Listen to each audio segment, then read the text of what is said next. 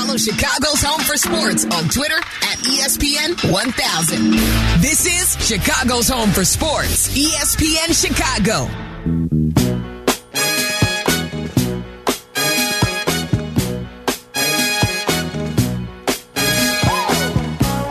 Meller and Hanley hanging out with you till 11 o'clock today. White Sox baseball on at noon. I'll have your pregame show. Connor McKnight will be on the call with Darrin Jackson, and then Jesse Rogers will have your post-game show of the White Sox today. Brian, back fresh from his European tour. I chuckled, Brian, when you mentioned all the walking you did in Paris because I went to Paris with my wife a little over 10 years ago. I think it was 2012 when we were there. And I kid you not, we walked well over 10 miles a day. Oh, absolutely. Be- because my wife was afraid to ever hop on the public transportation, fearing that we would get lost since neither of us spoke French. And this was still back in 2012, where even though smartphones were around, they weren't quite as smart. You couldn't Right. rely on them to do Yeah. everything quite the way you can now. So we walked well over 10 miles a day. I'll never forget by day three, Brian, I was like, this is insane. My quads hurt so much. I don't know if I can continue on. It was brutal. Brutal. It, in, in Positano, uh, my smartphone told me one day I walked six miles and 66 floors because I, I was staying way at the top of the town. Um, but yeah, it's um, it's a great Paris, great walking, and, and Rome too, great walking city. I mean, and and so I did you you know utilize the subway in both cities at times, but mostly um, it was it was great walking, even it was raining a little bit. So, and we do, I do want to get after too, because while you were gone, the Blackhawks, it was the last Sunday show that we did before you left. Yeah. We, I talked about how the NHL draft lottery was occurring that next Monday and how it could be potentially a franchise altering lotto for the Blackhawks. And sure enough, things came up their way. So I do want to get your reaction to that. But before we do that, have to share some Chris Simms, who was critical of Justin Fields. I believe he ranked him 23rd amongst his NFL quarterbacks. He does this list every year. And so your reaction was, I think, a lot of Bears fans' reactions when they heard that Chris Simms was not putting him at least in the top 20. So here's a little bit of Chris Simms explaining what the issue is with Justin Fields. Greek God. We got that. Insane runner. Like insane. Like where you go, it's insane enough to when you put him up there with some of the better receivers and running backs in football, you go, it's as dangerous as some of those guys in the open field. But his throwing is a collection of great plays with no consistency. In fact, his overall quarterback game is that. And that's where he's 23 for me. All right, a little more from Simms. You look at some of the games where he had good stats and good runs, and you go, ooh, ooh but, but they lost. And he still made a number of, you know, mistakes or bad throws in those games to where I just, I can't buy into it yet. I got to see a little bit more before I can start to say, oh, he's ready to take over the world here or, or do something special. Again, with all that and the highlight plays and all that we're talking, we're still talking about way below average consistency and surgicality throwing in the football game, throwing in, in the throwing game, right? You know, it, all those highlights and everything else, they, you know, they broke out the Wildcat offense and did everything like that. It translated in one win, right? And that's where you get into it and you see that. You start to go, wait, you know, hey, this is awesome when you play it on ESPN or NBC Sports highlights. Yeah, these are these are cool to watch. But then you start to break down the game and you go, oh man, he he he missed this throw. Ooh, or he should have thrown it and didn't throw it. My Detroit Lions game last year. Right, exactly one right. Of the craziest runs that we saw in the NFL last craziest year. runs ever, but also threw a pick six and mixed some like wide open people in some big moments, right? If I remember correctly in that game. It's not a game I went back and watched film for for this specific exercise there. But yeah, and with this throwing to get back to that, it's still too elbowy. So Chris Simms with a lot of criticism there and the lack of consistency from Justin Fields. And I'll be El- honest, elbowy. yeah, he, he went on to explain that even further. Uh, what was what was the other one that he made up? Surgicality. Or? yeah, surgicality. Okay. All right. All right. So clearly, uh, Brian is not necessarily putting all the stock in Chris Simms. But I, what I will say is that he does watch the tape. He is somebody who's played the position, and I think his criticism is fair. The Justin Fields is full of highlight ability, something that you you watch, and if you if you're watching it in chunk form, it's jaw dropping at times, right? But there, I think it's a fair criticism to say, in order to be one of the top 20 quarterbacks in this league, there needs to be more consistency from him, and I don't think that's, I don't think this is that's that's false. No, it's it's not, and and those there are legitimate criticisms of Justin Fields, and we make them on a weekly basis throughout the season, right? Mm-hmm. And it's great that he can escape a rush and he can have you know a, a peel off a 25 yard run either by design or just because he, he's feeling you know he's fearing for his life. And the passing, he, he, the numbers are the numbers. He is the worst rated passer uh, among NFL starting quarterbacks. Now, you know, the debate immediately is, well, what's around him? And hopefully, uh, you know, Ryan Poles has appreciably uh, improved the roster and you can get a better handle on Justin Fields, but you have to do it this year anyway, right? I mean, you don't have the luxury of time. Either you're picking up the uh, option year on his contract or you're moving on. And so that's all going to come into play. And I will give Chris Simms this. He has made quite a, a name for himself in a nice little cottage industry because for a guy who played the position, but not necessarily at a high level. Mm-hmm. Uh, and I'm not sure if his dad wasn't who his dad is, and then, then if his last name was different, maybe he doesn't get the attention. But if you do a Google search on Chris Simms right now, every city in in the NFL market, every market is saying, "Why does Chris Simms have Tua rated this way in Miami?" Yep. You know, in Denver. So God bless Chris. He has become a, a go-to guy. He's out there and uh, he's watching the tape, as you said. And um, some of the criticisms are spot on, but I, I just I, I, it's not like Joe Theismann's breaking this down. Okay, I mean it's Chris Simms. Um, hmm. So I mean, but the truth is that all of his criticism, like like for people who get mad about it, I think that like what you just said is is true. Ryan Poles has set himself in, up in a situation where, if you really look at where they're at and what they've done, they have the ejection button here where that, that they can Yep. push next off season. Which makes sense. It's it's well done by Ryan Poles, right? You've Sure. surrounded Justin Fields with DJ Moore. Um, you've added, you know, D'Onta Foreman as a running back. You drafted Tyler Scott. You've got more weapons around him. You you traded for Chase Claypool. Uh, We'll see how that works out. Well, but Justin says he's he's got a new attitude and everything's working out well, and here's hoping. But yeah, Ryan Poles. I mean, and then God bless Lovie in Houston gave you know gave, gave him a gift wrap number one pick that you put you in a position to do either put more around Justin next year or say goodbye to Justin. Uh, you referenced Fields. Here's Fields on uh, Chase Claypool. I, I do, I do, because him second time going around, Or, I'm uh, sorry, he knows. That's uh, Eberflus. I thought I had Justin. Sorry. I am dealing with a, a sun issue here in the Sure. Old National Bank studio. Brian, I'm not going to lie. I, I thought I had my screen, but uh, to quote uh, Gary Bettman, Sunshine uh, has always been our enemy. In your in the studio here when you're dealing with the sun in your face and you're trying to read the prompter, it doesn't always work out well. So I apologize for that. But Sunshine has always been our enemy. um, that Yeah. was Eberflus talking about uh, just uh, Chase Claypool being a little bit more comfortable in the offense. I, I do, I do, because him second time going around, uh, he knows the formations and the motions and knows uh, the route disciplines. He's learning that as we go, and you can certainly see him get, get more comfortable with Justin too. All right, he knows the formations now, so that's good. That's a start. Um, it- so, but it, it is so funny. You're right. Chris Simms has he's done a great job of knowing what buttons to push to irritate almost the entire fan base across the NFL. He's one of the most hated men in, when it Yeah. comes to analysis.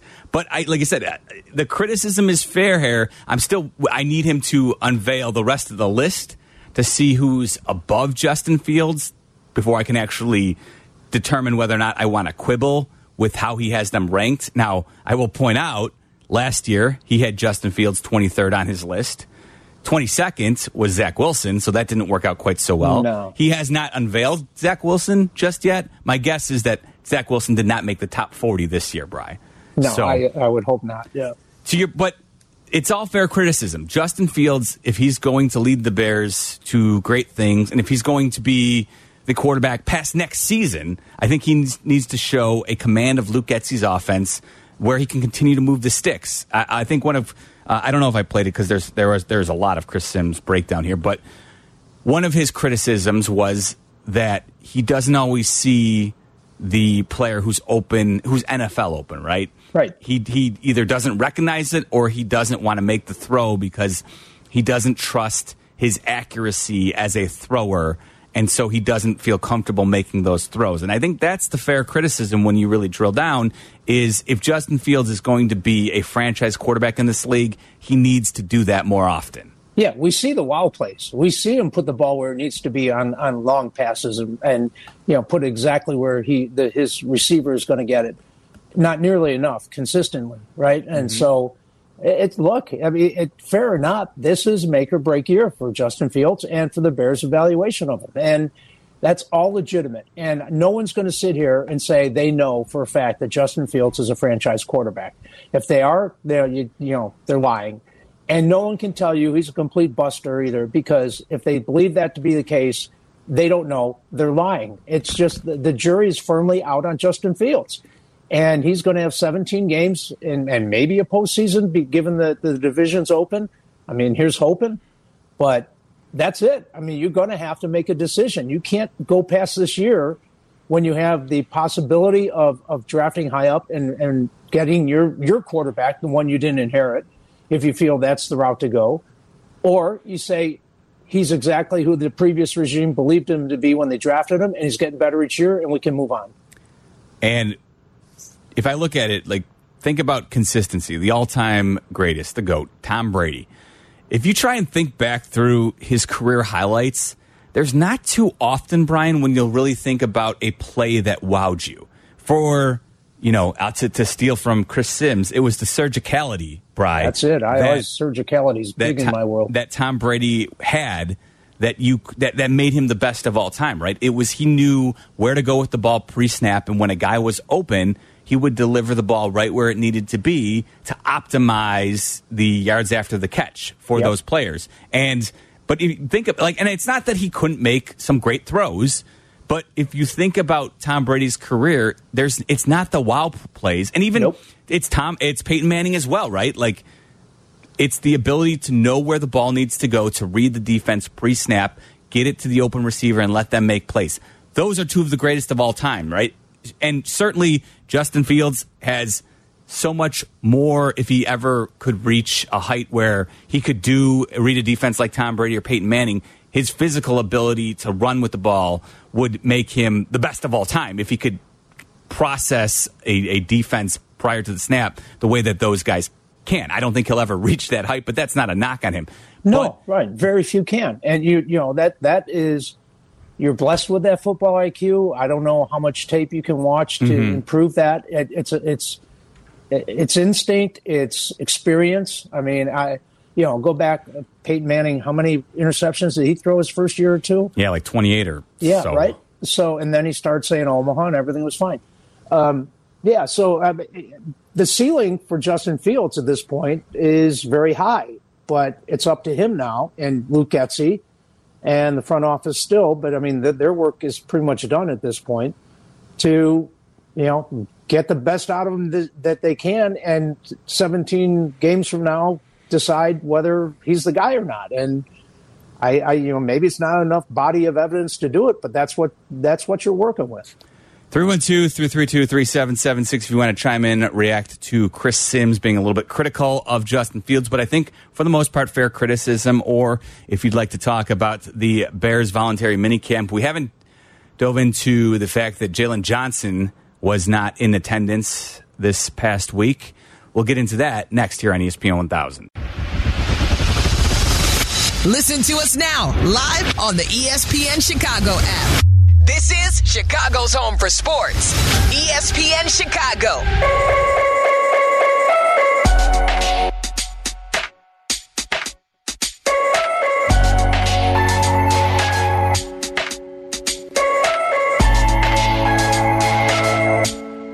Jeff Meller, Brian Hanley with you till 11 o'clock today here on ESPN 1000, talking some Bears, a little bit of baseball as well. I do want to pick Brian's brain about his reaction to the Hawks winning the Connor Bedard lottery before we get out of here. But uh, let's take a couple calls here first. Mike is in the South Shore. What's going on, Mike?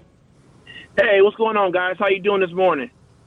Doing well. What's up with you? That's good. Um, doing pretty good. Um, I think the assessment of Chris Simms, there was no balance. I think that he's. I get what he's saying. He's going off of last year, um, but he could have at least said, "Yeah, you know what? He's got to work on this." But I saw some flashes. Prime example: the things he need to work on. Remember the two-minute drills of games where he was the games were close, and he threw some picks in those situations because of him of a misread or an overthrow. Um, but he showed flashes.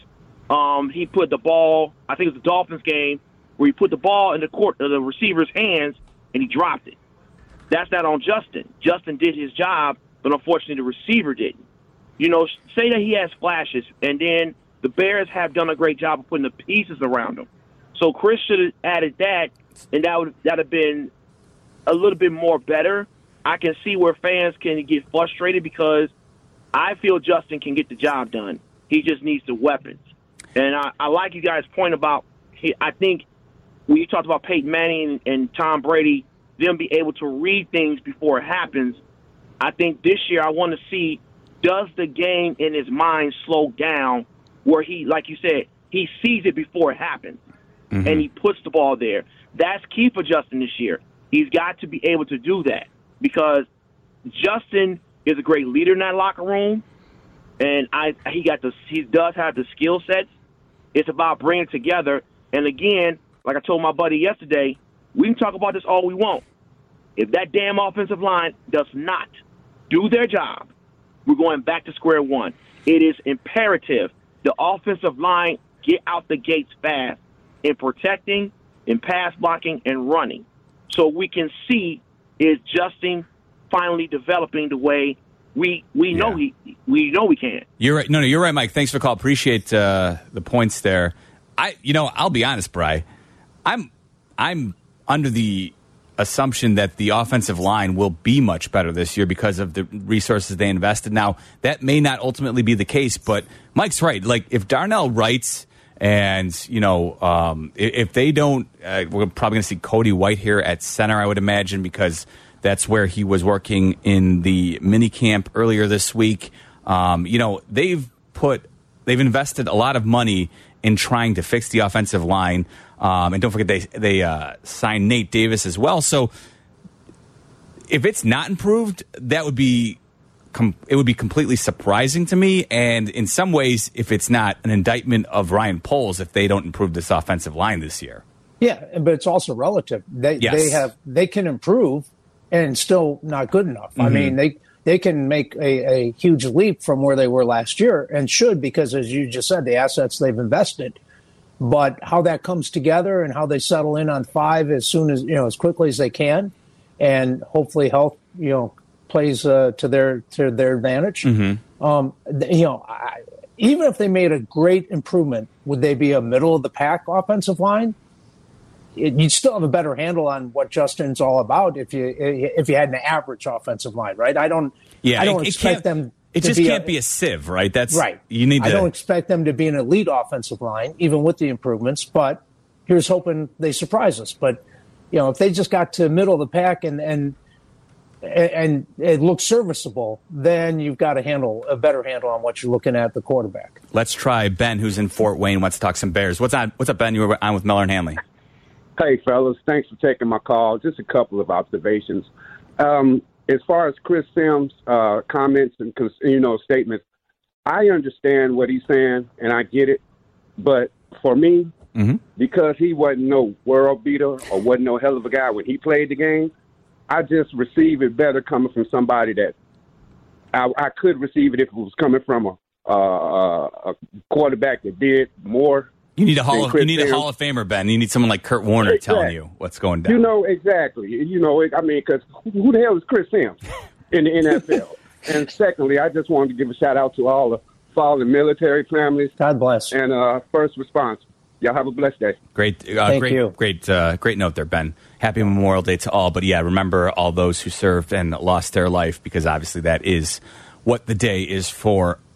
I can't get on Chris Simms because he wasn't, you know, a Hall of Famer, right? Like, there's legitimate. He, he does the work, and there's plenty of people out there who will offer up opinions who I don't always, you know, I suspect don't do nearly as much work as Chris Simms does. And you know, I think if you can separate yourself from being a fan and see what he's saying, we need what Chris Simms is saying to what he's saying. Justin Fields needs to get better at. As Bears fans, he's right because if Justin Fields doesn't do that better, then the Bears will be moving on next year, and some folks will be very mad at Ryan Poles if he has to make that decision because he's not sold on Justin Fields as a franchise quarterback. Yeah, I mean, the whether Chris Simms has gravitas or not, uh, you know, it's debatable. But he does put in the work. He puts himself out there. Li- nothing like a list to get people talking. Oh, yeah. good or bad, or you know, it, it- you're going to get reaction. So he knows how to package it. He knows how to promote himself. He knows how to be, uh, you know, separate himself from the pack of analysts. So kudos to him for all that. Um, and, and look, there have been plenty of journeyman players named the sport who either turned into great analysts or great managers or GMs or whatever, right? They didn't necessarily show it when they were actually in uniform, but that doesn't mean they didn't understand the game. And that, that- so I'm not I'm not dismissing him out, out of hand, but it's just I, I just I, he had, he's spot on with some of his observations, and I think our first caller was a Mike. I think those are legitimate points that you just put a little more balance in there and put it in a little bit more perspective, right? But what do, what was he working with and what wasn't he working with? And he did have wow moments. I mean, there were a few weeks there that you got two or three wow plays a game. No doubt about it. Let's try Owen, who's in Willowbrook. Owen wants to talk a little bit of White Sox baseball. What's going on, Owen? Hey guys, yeah, I know you're talking Bears, but um, I, earlier in the day when you talk or morning when you're talking about the Sox, here's here's what the Sox have done over the last week in in in, in regards of, in regards to scoring runs. Zero runs lost, four runs win, six runs win, two runs lost, twelve ru- runs win, three runs three runs lost. This offense is too inconsistent. They've done nothing to address it. Now they've got guys coming back from the bullpen that I think is going to bolster, bolster their bullpen. And if they're going to do something, I don't know why Hahn is sitting on his hands and waiting till the trade deadline because the division is weak and can still be had. And it sounds crazy, but Madrigal is expendable with the Cubs. We got a second baseman in Romy Gonzalez hitting 197. Ah. he's hit, no, he's he- hitting 197. Well, you laugh, but Madrigal, you laugh, but Madrigal, when the Sox went to the playoffs, was the, before he got hurt that Yes. first half season, was getting on base two or three times a game and scoring Mhm. because of Bray who was driving him in. Yeah. They have nobody that gets on base. You got a shortstop hitting 254 as our leadoff guy. Vaughn is hitting 234, and his best spot with the Sox when he was hitting was when he was batting second. I know that Benedetti was a I'll give Hahn credit. He got Benedetti. I think he should flip flop the two of them because Vaughn will wait a little bit more in the two hole and maybe drive the ball to right. Um, all right, so and, and and I think, and I really think, I really think they have to make a move. When you got a backup catcher at 151, you have to go out and get a guy who's going to get on base for these guys to try. You're, and then you got Jimenez back, and you got nothing but DHs on the team. I no, I hear you, Owen. So- and and uh, here I'm going to I'm going to let you go on because we got uh, quite a few people who want to chime in as well. But the one thing I'll say is like. Uh, he mentioned Eloy Jimenez, Bry. Eloy Jimenez is back in the lineup today. He's going to be playing right field, so Yep. get him right back into the lineup. He'll be hitting second today behind Tim Anderson. I, you're right. The lineup has been inconsistent. I do think you, you know people get sick of hearing it, but without Eloy, it, you're, it's going to be a struggle, right? I'll be curious to see what actually happens once, assuming Eloy can stay out there regularly. Will he be playing more right field? You know, Jake Burger. Uh, you, you want him in the lineup. Obviously, Gavin Sheets against righties you saw yesterday. He can be valuable in those situations. So, yeah, they, we all know that what the problem is for the White Sox. They've got a lot of players who, for the most part, you'd like to see as designated hitters. What can they do? Can they make it work? Will they actually entertain the notion of putting Jake Burger at second base from time to time when they need some runs? That's something that we're going to see over the next couple weeks play out. Well, and I'll just throw this out there. I think you'd be surprised at what you would receive in return in terms of offers for Tim Anderson. Winning or losing, when you get closer to the trade deadline, if you even entertain that notion, Mm-hmm. and I'm sure they're probably not, I'd be, uh, you might not be overwhelmed with what you would get in return for the man, the man who everyone, you know, is quick to point out the, the record when he's in the lineup and when he's not available. So I, I, it's, it's, you know, Owen just pointed out the 254, and, and that's supposedly your best guy. All right. Help. Yeah, he's been a little better as of late the last few games. Yeah, he had a four hit game the other day. I get it. He talked about, you know, finally, uh, I know uh, Stoney and Benetti did a really good job of breaking down his leg kick uh, a game in Cleveland, how he's making adjustment. He seemed to be off since his return from his injury. So he's been better as of late. We'll see what happens.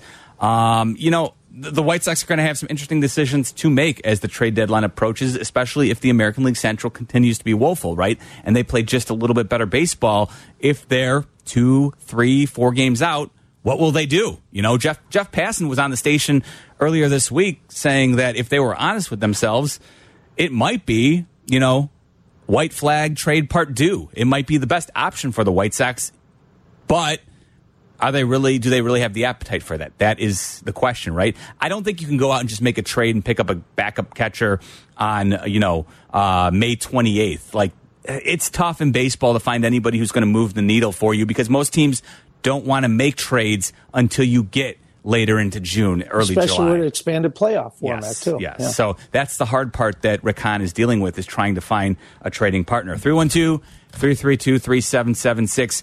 Uh, Again, we uh, taking your calls here as we lead you up to uh, White Sox pregame coverage, which starts at 12. I do want to ask Brian, though, I, I, I keep teasing it. I want to ask Brian, what was his reaction when he learned that the Blackhawks had won the NHL lottery? And what city was he in in Europe? We'll find out next here on ESPN 1000. This is Chicago's home for sports. ESPN Chicago. Listen now in HD on our app and on ESPN 1000.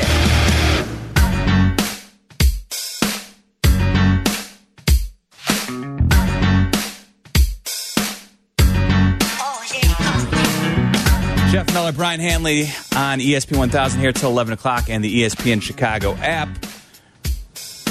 All right, Bryce. So, uh, and I, I was just talking to Jake Cantu, our producer, during the break here. We've been focused a lot on uh, the Celtics forcing a game seven. Jake is born and bred in Dallas, so he's a huge Dallas Stars fan, and he was He's living got his there. playoff beard going. He absolutely does, and he's actually flying back home to Texas tomorrow, right? And he's gonna he's gonna hopefully he said if everything goes according to plan, he'll be in attendance for Game Six, right? Right, Jake? Yes, sir. Tomorrow night, Dallas, Vegas. repping the green. So, So fingers our caller crossed. earlier in the show, Ryan is sitting in the exact same spot, you know, to get the Celtics through because he didn't do that the first three games. So superstition is uh, alive and well, and Jake's got his playoff beard, so he's uh he's not shaving, even though he's got a passport picture coming up. So So he's uh, he's rooting on his uh, Dallas Stars.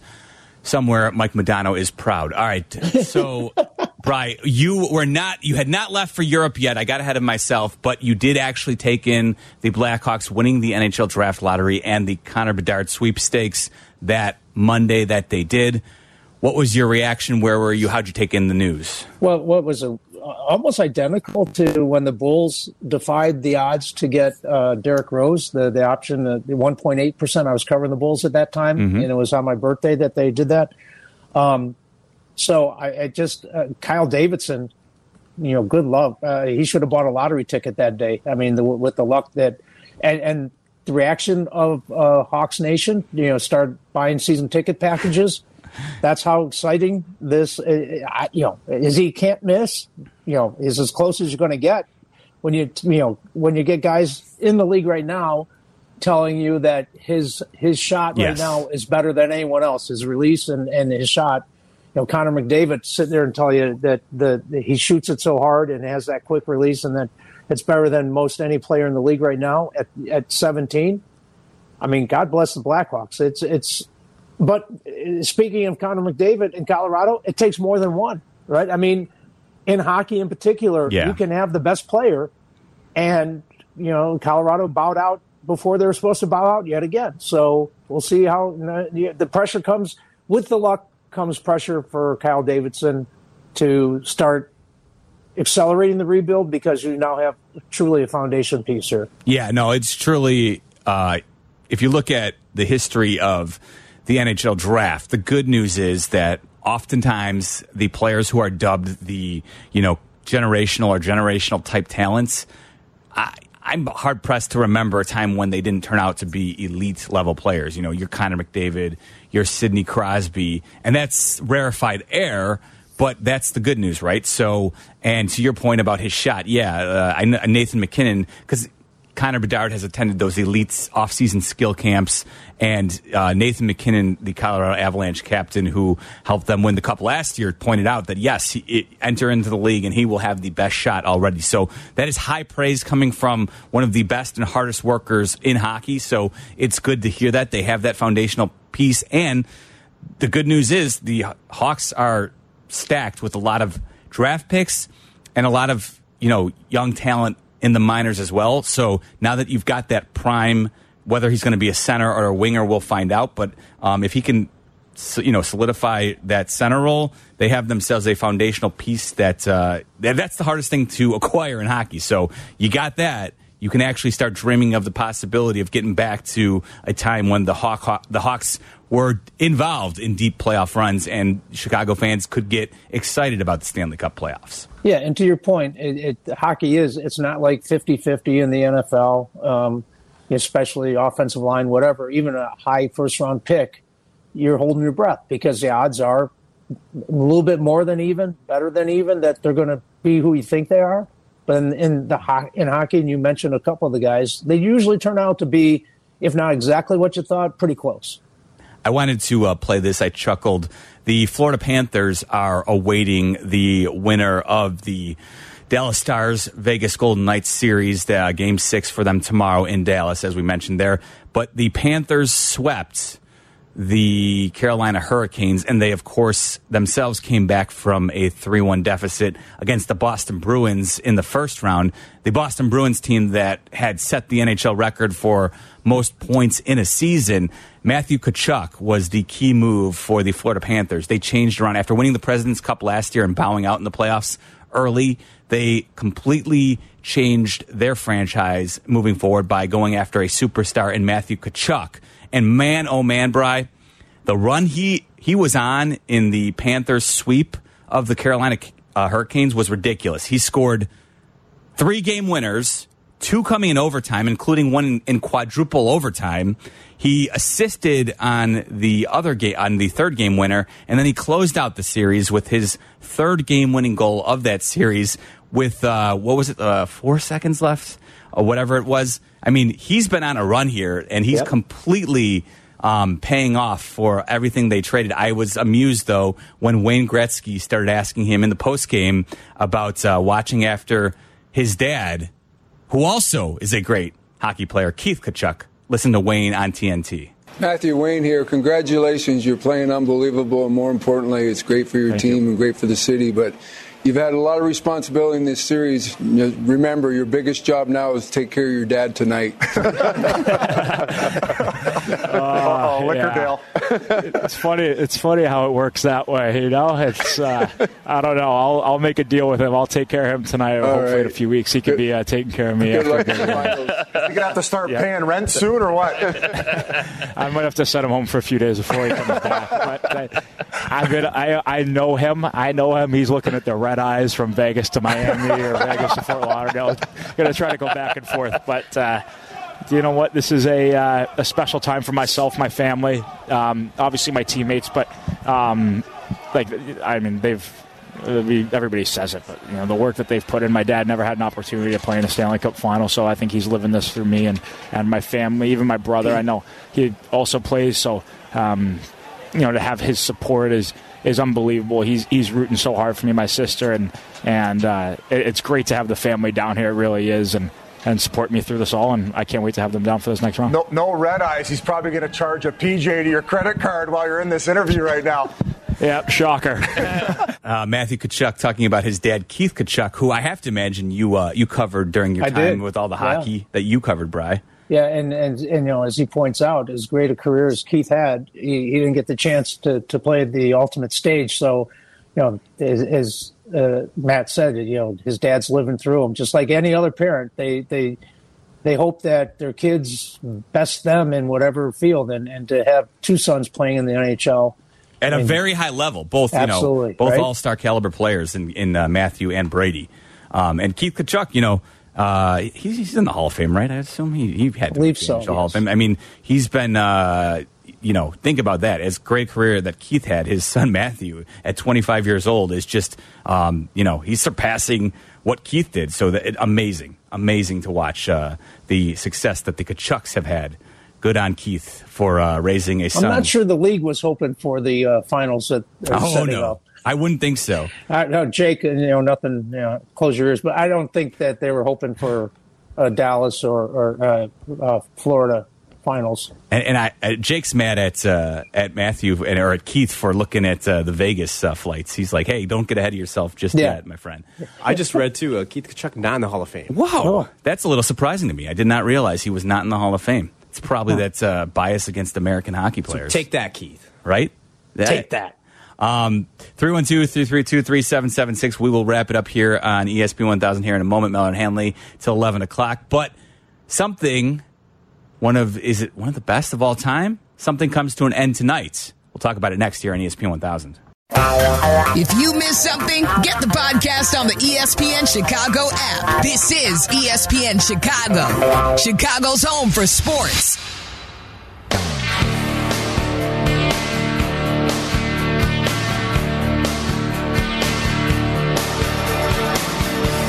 Jeff Meller, Brian Hanley here till 11 o'clock here on ESPN 1000. White Sox try and get back to the winning ways as they close out their series in Detroit today. Dylan Cease will be on the mound up against Eduardo Rodriguez, who has been the Tigers' best pitcher this season. And the Cubs also first pitch at 120 at Wrigley Field. They try and avoid a sweep at the hands of the Cincinnati Reds. We shall see what comes of that. Bry, have you been a watcher of the HBO series Succession? I have, um, but since I've been out of the country for a couple weeks, I'm behind, Mm. and, and I know the finale's tonight. I will say this: I, I can't remember a show that I've watched recently, or maybe at all, where I pretty much dislike every person yes, on the show. Absolutely. Seriously, right? I mean, there's not one. Usually, you know, there's somebody that you think is a decent person and you're rooting for, and and yet, if you can get past that, it's a it's been an unbelievable series, and I got past it. But Yeah. it, you know, the first few episodes, I'm like, why am I watching this? I don't. These people are miserable, Yeah. and, and that's you know, They're money. vi- yeah, they're vile, disgusting Yeah. billionaires. Yeah. And, you know, that's uh but you know, you can take um I think you know, some some schadenfreude in the fact that uh so many, you know, when things go wrong for them, that's I think where you can derive a little bit of pleasure. But yes, they do a great job of, you know, you for whatever reason, even though they are despicable people, if you find a, a way to at least empathize in moments with some of uh, what they're dealing with. All right, the see the uh, show comes to a close tonight. It is the series finale. I won't ruin anything for you since you are three episodes behind. I believe my wife is two episodes behind. Bright. It's usually a show that we watch together, but sure. she's been falling asleep through the last couple, probably because we're starting it too late in the evening for her to just keep her eyes awake. And it is a slower moving show, a lot of dialog very dialogue intensive. And so if you're tired, it's a tough one to power through. But my move has been I've watched the show the the, the last couple shows without her. And um, I did not. I have not told her that I've done that. My, but when she does go back and watch, I'll watch the shows like it's new to me. There you go. I'll, That's pre- how I'll you pretend a- like I'm seeing it for the first time. But she, that's how you keep a marriage going. but uh, yeah, so I probably won't watch it as it's occurring tonight because she'll probably still be awake. But when she finally goes to bed tonight, Oh, that's when I'll close out and watch Succession, Yeah. the finale. But I'll have to. Uh, because you don't want a chance hearing how exactly. I don't. and it I will be everywhere. It will be spoiled for sure. Um, so it will be impossible for me to avoid it. So I'm going to definitely watch it later tonight, but I won't be watching live. I'll probably uh, take it in well after 11 o'clock tonight. But I did want to share this. There's a theory floating out there. I thought this was interesting. Um, no spoilers here, but it is a theory that was posed on TikTok by somebody named Sophie, and she pointed out. I believe she works. I think she writes for the New York Times. Um, she points out some of the importance of, and or at least the significance of names and why somebody you might not be expecting could be in line as the final successor on Succession's finale tonight. If you watched Succession, you may have noticed that many of the names are very, very intentional. Siobhan's nickname, Shiv, can also refer to a knife, and the family's surname, Roy, literally means king. Typically, TV writers use relatively common surnames for their characters. There are various reasons why they do this, and we don't have time to get into it right now. So always pay attention when there's a highly unusual surname on a TV show. In Succession, that surname, of course, is Wambsgans. Wambsgans is a very rare German surname. Gans means goose in German, and the Wams part of the surname comes from the Gothic given name Wamba, which means big paunch. Wamba also shares roots with the English word womb. Taken all together, we can interpret Wambsgans to mean goose with a big belly, pregnant goose, or most likely a goose down vest or coat, since a coat or vest would cover that part of the body. But all of this is just background information. None of it relates to who Tom is as a character. No, the real reason he was given the last name Wambsgans is because of this guy. This is Bill Wambsgans, an MLB player during the early 20th century. He is remembered for one thing, and that is completing the only unassisted triple play in World Series history. He took out three players at once in what is essentially the finale of baseball. It's no coincidence that Tom shares a surname with Bill Wambsgans, so you have to wonder if Tom will complete an unassisted triple play and take out all three of the Roy siblings to become the leader of Waystar Royco in the Succession finale. What do you think about that? A baseball tie for you there, Brian. Wow. Tom Wamsgam overload. with the uh, surname of Wambsgans. Could he follow in the footsteps of Bill, who did complete the only triple play in World Series history to end the World Series? See, it, if you're in that writer's room and when you started the series, this was all interwoven in your little mind and you put it to paper, and the surnames were going to tip you off, and, and German history Mm-hmm. and, and I mean, pull, pull out your baseball reference, Brian. seriously, I mean, I love it though. I love. I, I mean, if it comes to fruition, it was there for us the whole time. If you just know your uh, baseball history, and listen, as two guys who know a thing or two about baseball, I'm not going to lie. I had no idea about Bill No. Wambsgans. No, what year was that? What did she say? He played uh, through 1926, so it was clearly well before either of us were born. I think he's in the marquee uh, studio post game show. Everyone else is. Yes. Um, yeah, so uh, keep an eye out for that. Obviously, Brian's going to have to catch up.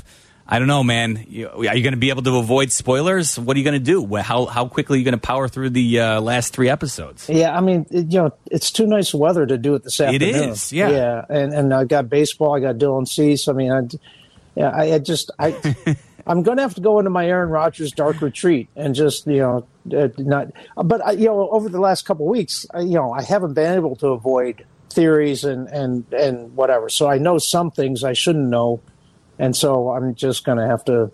It is what it is. I'll just have to. You know, You'll have try to- try try not to. You don't don't text me at midnight tonight after you powered through the, f- finale, uh, unbeknownst to your wife. Don't you tell me. I will wait until I get the A-OK from you that you have completed the finale before Yeah. I text with you any final uh, wrap-ups. But uh, We can talk about it next week. Yeah. Yeah, yeah. Okay, yeah. There you go. Promise me you'll be done by next Sunday. Oh, That's absolutely. All right, Yeah. there you go. Yeah, no That's problem. the plan. Yeah. All right, we'll do that next week. Uh, but uh, thanks for listening, folks. We're wrapping it up here on ESPN 1000. Don't forget, we've got White Sox and Tigers coming your way. First pitch at 1240, pregame coverage at noon. I'll be on the pregame coverage for you. Jesse Rogers will have the post. Of course, Connor McKnight will be on play-by-play with Darrin Jackson. And we do have the return of Eloy Jimenez for the White Sox. He's hitting second today as he returns from his rehabilitation assignment at Double A. So uh, he will be back for the White Sox. Adam Haseley, the corresponding move, he was optioned to AAA today. And the Cubs, they will try and provide Brian with a little bit of uh, a little bit of good news. They're just in a little rut. That's all I, Dave, David told me. Just in a little rut. May May's been a rut. Only a matter of time before David Ross has this team humming, Bry. Whether you, whether you like it or not. Okay, I'll count on that. All right. Thanks for listening, folks. We're back next Sunday, but uh, White Sox baseball coming your way at noon. He's Brian Hanley. I'm Jeff Meller. Thanks to Jake, Jake Cantu as well. Talk to you later on ESPN 1000.